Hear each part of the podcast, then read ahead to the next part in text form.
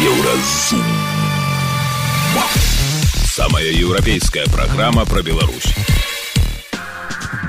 Вітаю гэта праграма еўразум і самыя важныя падзеі сэнсы чацвярга 2 лістапада. Што азначаюць словы залужнага што вайна ва ўкраіне зайшла ў тупік. У сённяшні заклік залужнага гэта заклік вызначайцеся вы павінны для сябе вызначыцца якія у вас насамрэч мэты у гэтай вайне Што рабіць калі абражаюць беларускую мову? Мое любимое слово расійская кала-кала что такое кала-кала скажите любому славянскому человеку кала-кала и он подумает что ну человек ну без крыўды будь сказано человек из африки напрыклад приехал что-то за мова такая калі у беларуси вырастуць цены мы сейчас действительно в плане благосостояния находимся вот на этом своеобразном плато. Новые налоги которые вступят с нового года еще не вступили.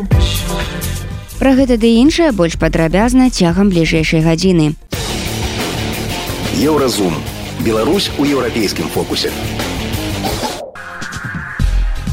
Вайна зайшла ў тупік. Яна можа зацягнуцца на гады і выматаць украінскую дзяржаву. Пра гэта ў інтэрв'ю выданню за экономіст заявіў галоўнак камандуючы узброенымі сіламі Украіны генерал Валеры залужны. Чаму украінскі бок вырашыў агучыць гэтую інфармацыю запыталіся ў палітычнага глядальніка і гісторыка Александра фрыдмана Ну пачнем з таго што ўсё ж таки аналіз валеры залужнага гэта ў прынцыпе слушны аналіз і ён сказаў фактычна тое што ўжо на працягу некалькіх месяцаў сцвярджаюць заходнія эксперты. Так што прынцыпова нічога новага там не было у сэнсе аналізу про гэта ўжо пісалі ў розных у розных крыніцах канешне зусім новае гэта гэта тое ж гэта асоба чалавека які гэта пацвердзіў які мае вельмі добрую рэпутацыю у самой Украіне і з'яўляецца ну фактычна сімвалам украінскага супраціву расійскай расійскай агрэсіі.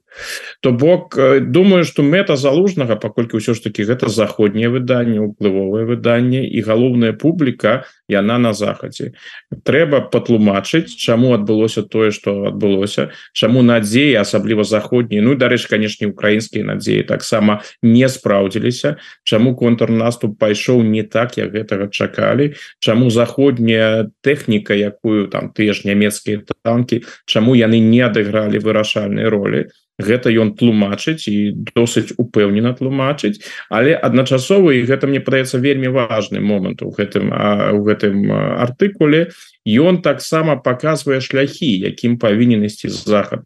Ён фактычна показвае что павінна атрымаць дзе Украіны праблемы і што Украіна павінна атрымаць каб гэтыя праблемы вырашыць. Ён фактычна тлумачыць захаду вы павінны вызначыцца. Калі вы жадаеце каб у Украіны быў поспех каб Украіна перамагла падтрымка военная падтрымка Украіны павінна выйсці на прынцыпова новы ўзровень і там ён тлумачыць у якім тэхнічным накірунке і самалёты і іншыя гэтыя аспекты. Тое что у экспертным супольніцтве ты людзі якія з'яўляюцца военными экспертамі яны гэта і так дакладна разумеюць что Украіне патрэбна тут ужо пытанне заходніх урадаў. Яны павінны вызначыцца. Калі яны жадаюць украінскай перамогы яны павінны даць гэта ў краіне інакш усё будзе разгортвацца так як яно разгортвалася ў гэтым 23 годзе то бок значных военных поспехаў не было не ў Росіі не было в Украіне Ну цяжка лічыць напрыклад тое что расіяне захапілі бахмут і колькі там было ну, мінімум 25 тысяч чалавек згодна заходнім крыніцам там пагі загінулі з расійскага боку напэўна значна больш чым гэтые 25 тысяч. А выніку фактычна акрамя гэтага города і там змаганне за яго яно фактычна працягваецца іх няма украінцы таксама ну поспехи яны сапраўды досыць абмежаваныя. То что мы бачылі бачылі э, за апошні час нейкага выхаду там до да Крыму і іншага нават вызвалення больш-менш крупнага горада кшталту так мака гэтага не не адбылося. То бок э, война будзе працягвацца і залужны кажа адкрыта яна будзе працягвацца расіяне не спыняцца у іх яшчэ есть магчымасці. І вось захад павінен гэта яго заклік дапамагаць Украіне адпаведным чынам.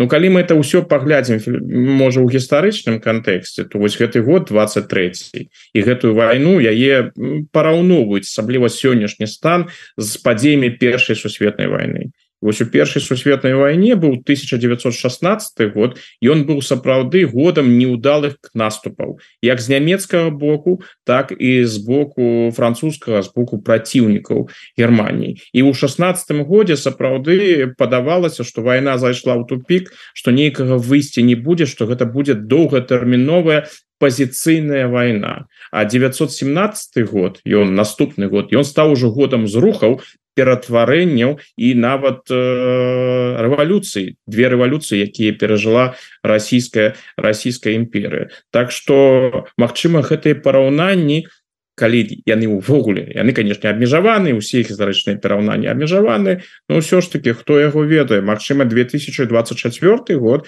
стане для России нечым кшталту 1917 году. А гэта значыць э, вайна пойдзе ў зусім іншым накірунку Ну каб гэта было тут павінна дапамога з заходняга боку і зусім на іншым узроўню калі напрыклад узяць вось гэтыя словы італьянскай прэм'ер-міністркі так які які яна сказала вось днямі пранкерам вось гэтым расійскім наконт таго што Італія стамілася так ад дапамогі Украіны.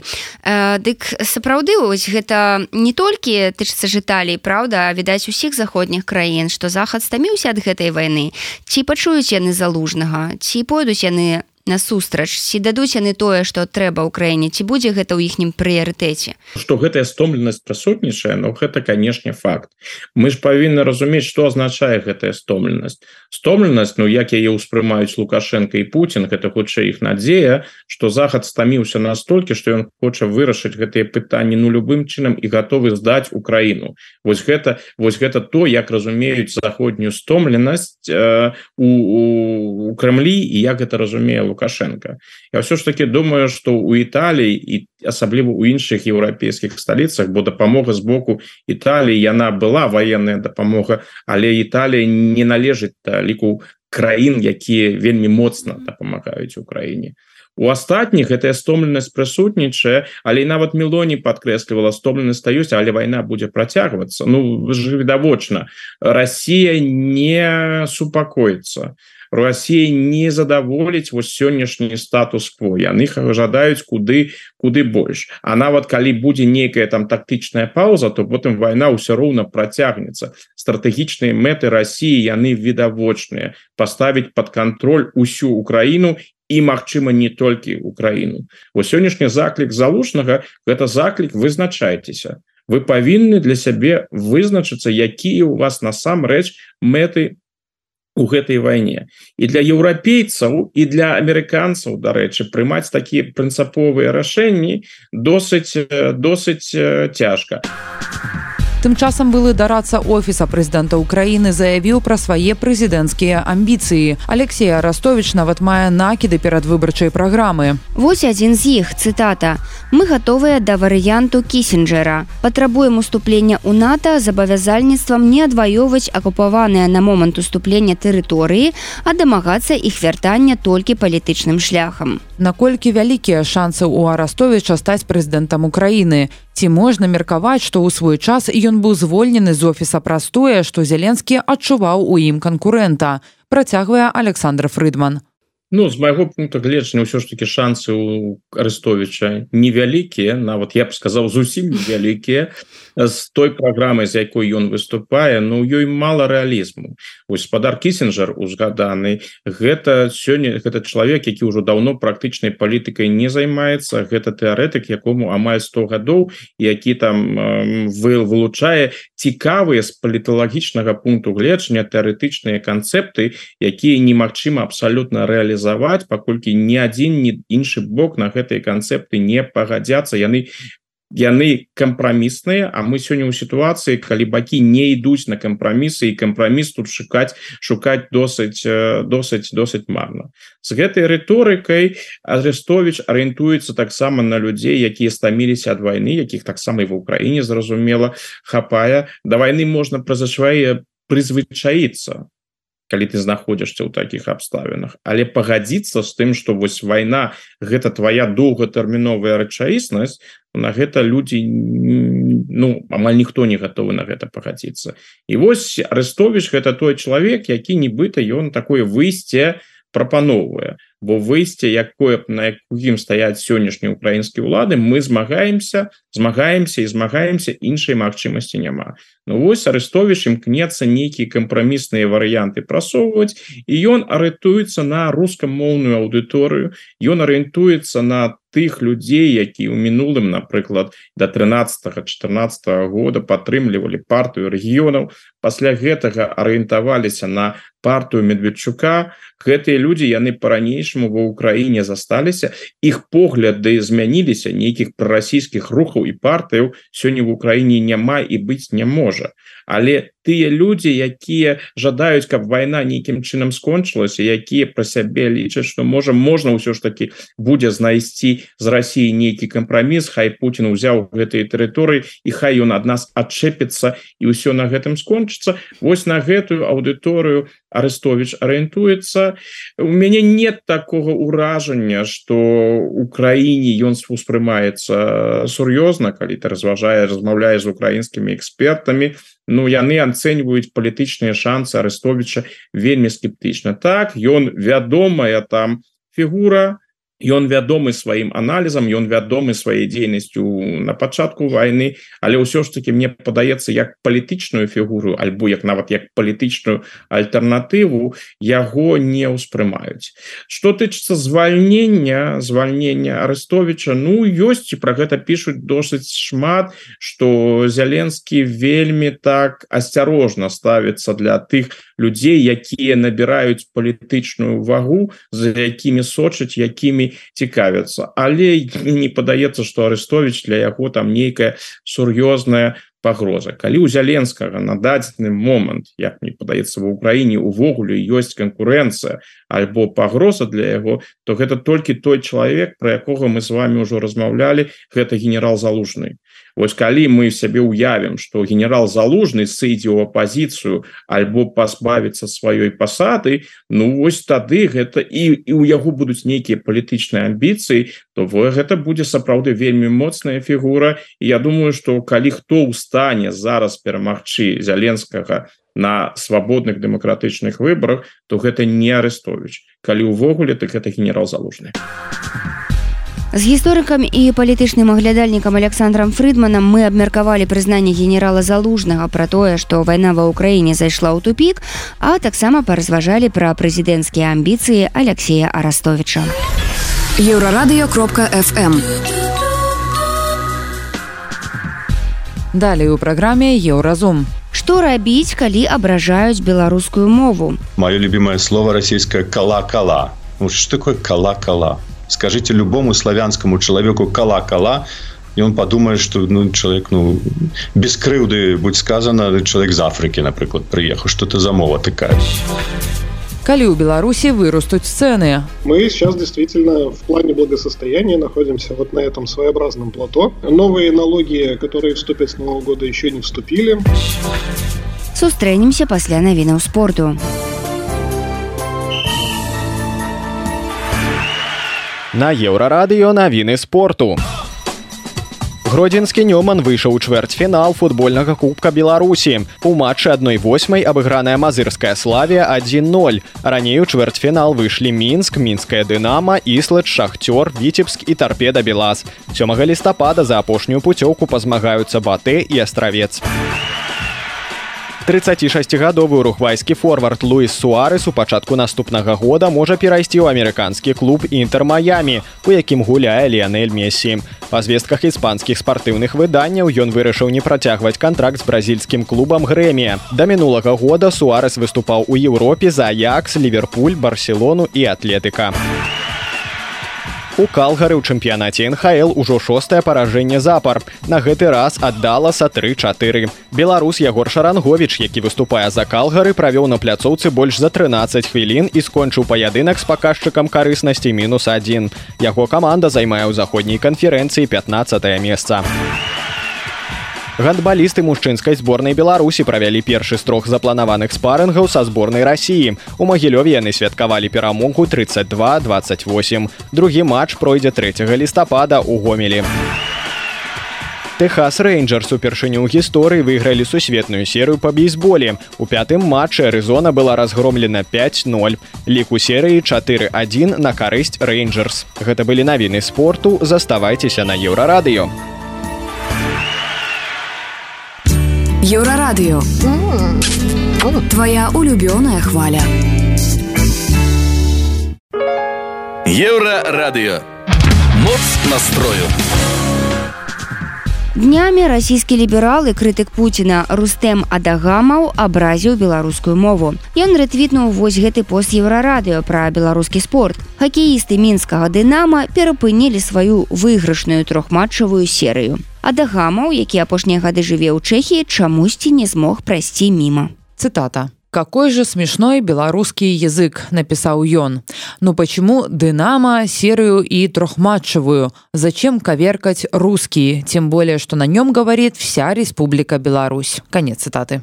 Натуральна, што беларусы не пакінулі гэтыя словы без увагі, напісаўшы адагамова ўсё, што яны пра яго думаюць. Нават ад сваіх суайчыннікаў расійскі блогер не атрымаў у гэтым выпадку падтрымкі. На наступны дзень ён выбачыўся.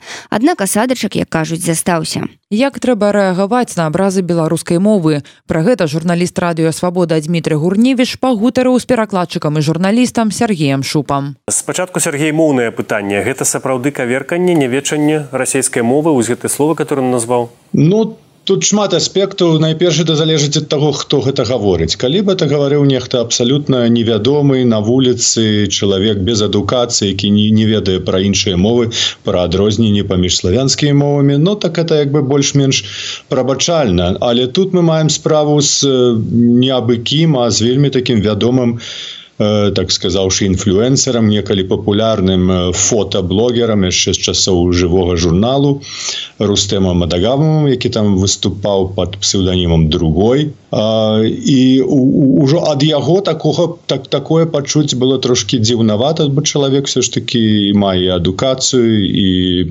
паўсюль пабываў і жыве ў іншай славянскай краіне дзе таксама для расійскага вуха шмат што гучыць дзіўна а можа часам і смешным і цудоўна это жывучую празе ведаем. Але вы гэтыя словы которые ён пералічыў бо я бачу што многія людзі сумняюцца што яны расійскага паходжання Ну як я само сабой яны паходжання зусім іншага там і грэцкага і лацінскага але ён як бы іх успрымае як слова расійскай мовы яны належаць расійскай мовы і по-беларуску яны вымаўляюцца афармляюцца інакш вось для расійскага вуха які непрывычная для зноў жа ж невядома як это адагамова непрывычная да іншых славянскіх моваў.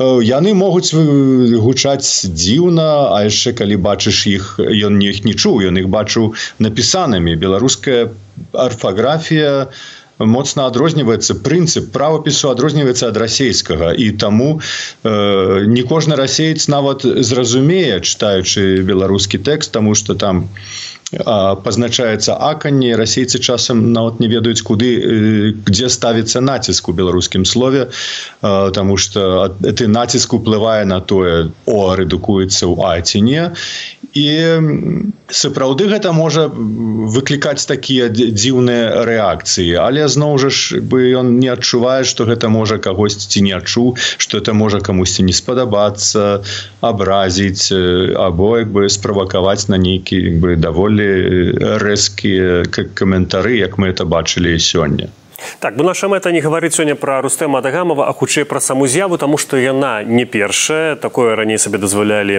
розныя, ну асабліва прадстаўнікі расійскай эліты і Беларусі вельмі хваравіта рэагуюць на гэта. Але ўсё ж такі Сергей, гэта сапраўды некая абраза, ці тут ёсць падстава абражацца, ці гэта хутчэй сведчыць рэакцыя таго, што адбывалася пазней у сацыяльных сетках, а гэта як мінімум там тысячи каментароў, некаторыя вельмі вострыя што гэта хутчэй сведчыць пра нейкія магчыма комплексы беларусаў ці ўсё ж такі не маюць рацыю абражаючыся.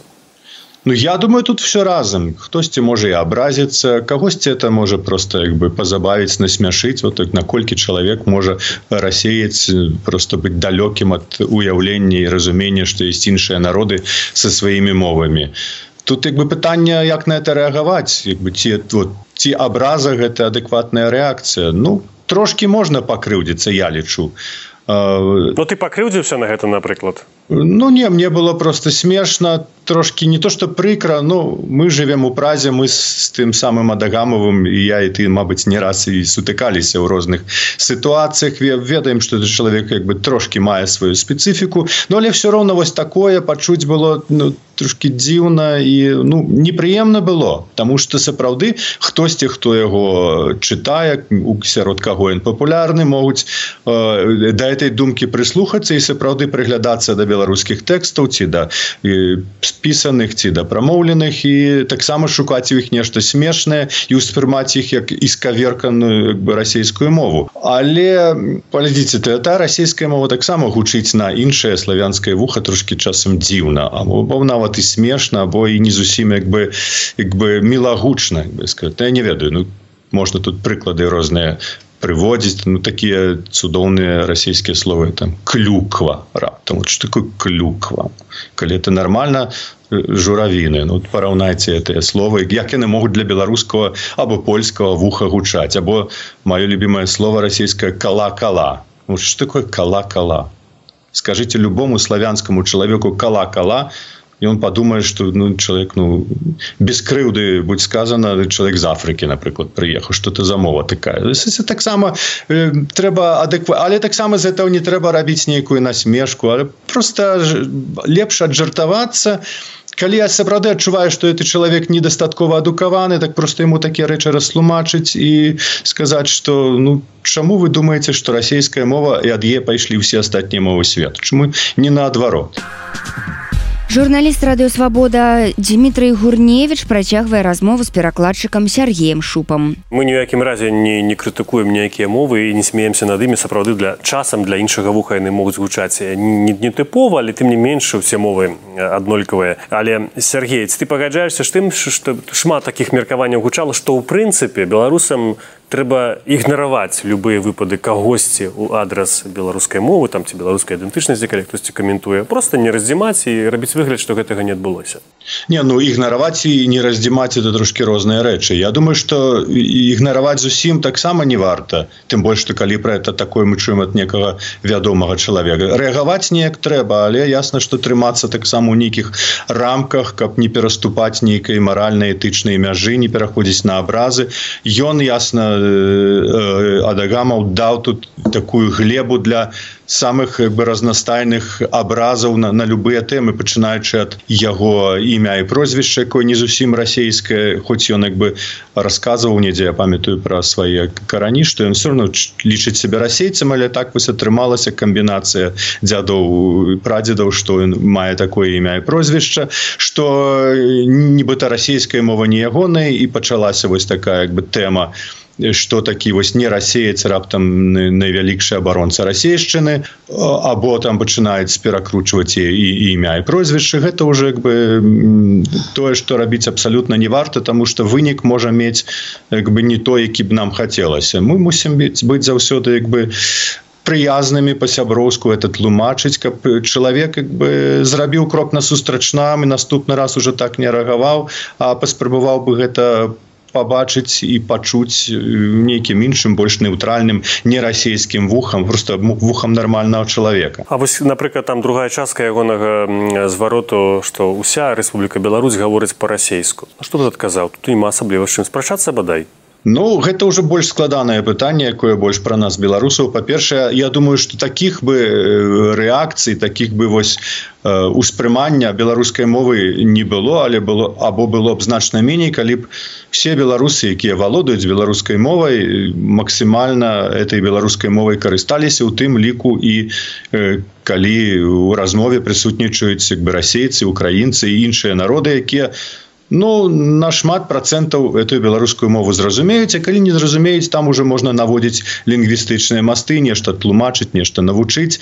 Не саромецца гаварыць по-беларуску ў любой сітуацыі і не пераходзіць адразу на на мову свайго субяседніка калі ён гаворыць па-расейску А у нас такая стандартна у беларусаў рэакцыя ага каб просто як бы зрабіць прыемнае чалавеку ці так аблегчыць камунікацыю то адразу пераходзіць на на, на расійскую мову. Можна заставацца нават калі чалавек гаворыць па-расейску калі разуменне нічым не абмежаванае то просто кожны можа гаварыць по-свойму як мы з украінцамі і ніякай праблемы не ствараць. Чым больш расійская вуха чуе беларускую мову тым менш будзе вось таких вот таких каментароў як учора ад дагамова Гэта была размова журналіста радыё свабода Дмітрия гурневіча і перакладчыка Сергея шупы. Яны абмеркавалі нядаўні скандал з расійскім блогерам Рустэмам Адагамавым, які абразіў беларускую мову і паразважалі, як варта рэагаваць на такія сітуацыі.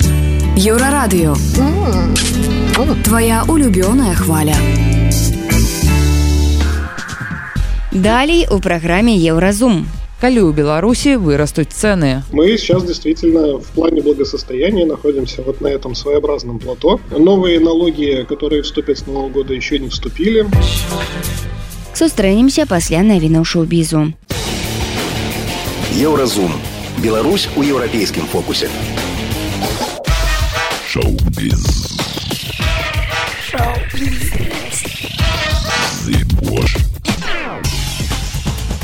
Навіны шоу-бізу на еўрарадыё Дэніел Рэдкліф у трэйлеры да фільма хлопчык, які выжыў, распавядае пра каскацёра Дэвіда Холмса. Рэдкліф таксама з'яўляецца выканаўчым прадюсарам новай дакументальнай кінастужкі. Холмс быў вядучым каскадзёрам актора. Ён быў паралізаваны пасля таго, як зламаў шыю ў выніку трагічнага няшчаснага выпадку на здымках першай часткі дарунка ў смерці. Цяпер Холмс і Рэдкліф аб'ядналіся, каб расказаць гісторыю сталення былога гімнаста. У дакументальным фільме прадстаўлены адкрытыя асабістыя кадры, знятыя за апошняе дзесяцігоддзе закулісны погляд на каскадёрскую працу холмса ды шмат іншага.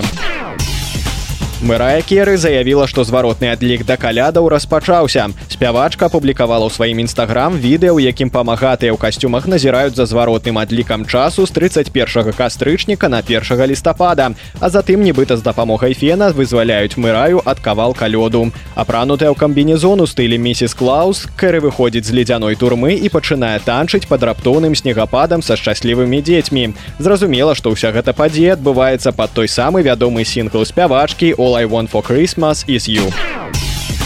Кейт Мідлтон далучылася да прагулкі тата ў арганізаванай грамадскай групай Дэдвенджерс. Суполка прапануе татам удзельнікам магчымасць пазнаць адзін аднаго і аказаць падтрымку, калі гэта неабходна. Я думаю, што справа ў падвышэнні значэння сямейнага часу і ролі татаў у выхаванні дзяцей. Дзякуючы таму, што вы хлопцы робіце, дзеці бачаць каштоўнасць сямейных адносін, сказала Кейт удзельнікам прагулкі. Да гэтага герцагіня прысвяціла двухтыднёвы перапынак ад публічных выступаў сваім дзецям, якія былі на школьных вакацыях беларуска-украінскі спявак улад чыжыкаў вядомы пад псевданімам чыф выпусціў цізер на новы сінгл які выйдзе заўтра. У допісе да кароткага відэа з будучага кліпу ў сваёй садсетцы чыф піша што ў песні більш не мае крыл. Ён вырашыў закрануць тэму эмацыйнага выгарання і знязмогі. Песня аб тых пачуццях якія ўзнікаюць калі ты маральна стомлены а колеры вакол цябе робяцца не такімі яскравымі як раней. Песню віда працу да яе можна будзе паслухаць і паглядзець ужо заўтра. Гэта былі навіны шоу-бізу заставайцеся на еўрарадыё.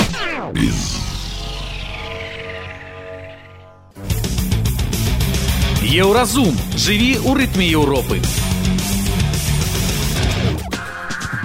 У беларусі прагназуецца рост коштаў. Гэтага не выключае намеснік міністра эканомікі андрей каратун. Маўляў у дзяржавы атрымлівалася стрымліваць цены на шэраг тавараў. Аднак сезон танных фруктавай гародніны скончыўся. Таму цяпер яны будуць каштаваць даражэй.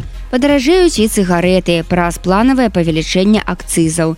Цяжкімі стануць і жыроўкі бо павысіліся тарыфы на жыллёва-камунальную гаспадарку Пры гэтым дзяржава рапартуе пра павелічэнне заробкаў і прыбыткаў у беларусаў. Ці гэта так? На прыкладзе індексу чарка шкварка YouTube каналу обычное утро тлумашыць эканаміст Владимир Ковалкин. Реальные доходы действительно растут, но вот чарка шкварочники, они как-то не очень это не очень этим довольны, это видно по индексу. Напомним, что чарка шкварка – это наш ответ буржуазно-капиталистическому индексу гамбургера. Вот. Он состоит из 100 грамм водки и 100 грамм свинины, чтобы нашим зрителям было понятно. Ну и, собственно говоря, как меняется цена на водку и свинину, так меняется цена на чарка шкварку. Вот с помощью этого индекса мы пытаемся замерить благосостояние и благополучие белорусов, а мы знаем, что для белоруса чарка шкварка – это один из важнейших элементов э, Вселенной, вот, и она стоит сразу же на второй ступеньке пирамиды Маслоу. э, сразу же вот на «абы не было войны», и там вот сверху сразу чарка-шкварка. Если нет войны, можно заниматься чаркой-шкваркой, и уже только после этого думать про все остальное в своей жизни. У нас с вами такой интересный графичек, там, по сути, две цифры. Э, одна линия оранжевым отображается, вторая синеньким. Вот оранжевеньким – это то, как меняется цена на чарку-шкварку, как она дорожает. Если посмотреть, то она очень хорошо дорожает с 2021 года. Прям инфляция, инфляция происходит. А если посмотреть на э, доходы людей в чарках-шкварках, то они вот как на каком-то таком плоту телепаются, да, вот телепаются и телепаются там на этом плоту. Да, они высокие в историческом моменте, если смотреть по отношению к другим городам. Э, годам. Но, тем не менее, они находятся на, на, на месте. Вот. Можно вторую картинку показать. Там будет чуть крупнее. Самый последний период с 2021 года. Во. Вот видите, э, Тут тоже видна инфляция нашей чарки шкварки и наши доходы. А что это нам с вами говорит? Это нам говорит, что, собственно говоря, выросшие доходы съедает инфляция чарки шкварки.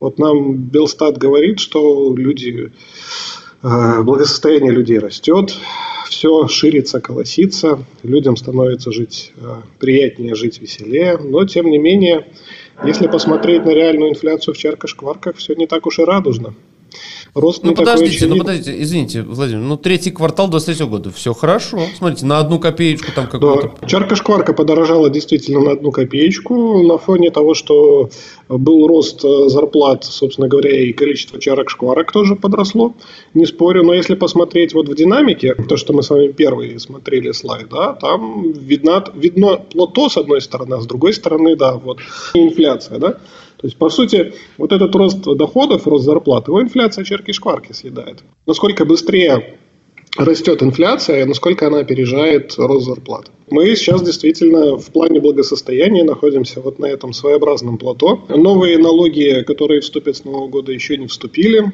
С одной стороны, тот ценовой навес, эм, инфляционный навес, он еще не начал отрабатывать, а там у нас процентов 10 должно отработать по инфляции в следующем году. Ну, собственно говоря, можно продавать, можно электорату продавать, как, как все хорошо, как колосится. Вот, э, то есть, эм, можно эти лишних 10-15 чарок шварок показать, можно рассказать, как все растет. Тут я не спорю. Но с другой стороны, опять же, если смотреть на инфляцию, то видно, как инфляция все съедает. Я думаю, что у среднего белоруса приблизительно вот похожая ситуация. Смотря на рост зарплат в бумажном, в цифровом эквиваленте, жить лучше как бы принципиально не становится, потому что э, съедает все инфляция. И мы с вами должны понимать, что в нашем случае здесь э, с черкой-шкваркой это, в общем-то, товары не импортные, это товары отечественного производства. Да, они, как известно, всегда дорожают медленнее, потому что свинки же наши, водочка же наша, тут же все производится. А вот с импортными товарами все будет похоже. Там будет импортированная инфляция, там курсы начнут играть и отыгрывать. И это уже будет очень хорошо видно в первом квартале и во втором квартале следующего года. Вот там, там импортированная инфляция попрет во все. Дык як беларусам прыгатавацца да росту коштаў і калі гэта здарыцца працягвае Владимир кавалкин что касается э, ценового навеса инфляционного навеса он никуда не делся он остается и правильно все говорят экономисты Э, банка евразийского. Вот, это первый важный момент. И действительно, э, цены держатся вручную. И чем дальше, тем тяжелее их будет тянуть, потому что мы с вами знаем, что курс белорусского рубля уехал. И это означает, что инфляция будет еще импортированная за счет того, что какие-то товары будут заезжать по более высокой цене. Ну, потому что курс поменялся, мы с вами понимаем. Вот, это первый важный момент. Второй важный момент про жирок. Ну, мы видим э, череду банкротств, череду санаций белорусских предприятий. Мы видели, например, совершенно недавно, что происходит с сетью магазинов «Буслик», когда поляки заявили, что они больше не контролируют эту э, сеть торговую. Это что означает? Это означает, что у бизнеса очень тяжелое финансовое положение. Вот за счет регулирования цен они просто не покрывают свои затраты.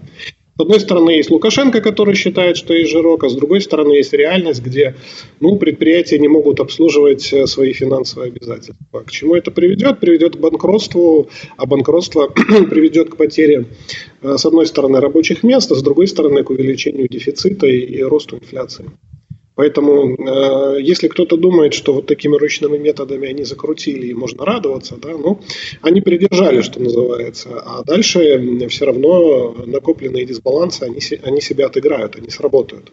Просто если можно было размазать во времени эти дисбалансы на два года, условно говоря, и понемножку поднимать цены, да, а не закручивая гайки, то сейчас они просто лавинообразно выскочат. Ориентироваться стоит приблизительно на первый-второй квартал следующего года. А я почему туда целюсь? Потому что там в России тоже ожидается рост накопленных проблем, связанных с ценами. Я думаю, что оно сыграет э, вместе. То есть эм, э, изменение в российской экономике станет для белорусской экономики в том числе триггером, потому что мы знаем, что более 60% экспорта из Беларуси идет на Россию. Вот, собственно говоря, там инфляция выстрелит и следом у нас. Мы слухали эканаміста і кіраўніка праекта кошту рада владимира кавалкіна.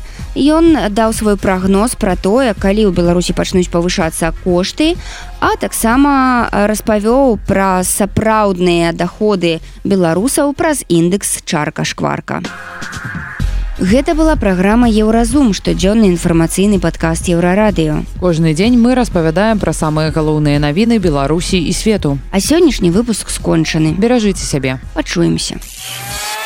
Еўразум. Самая еўрапейская праграма пра Беларусь.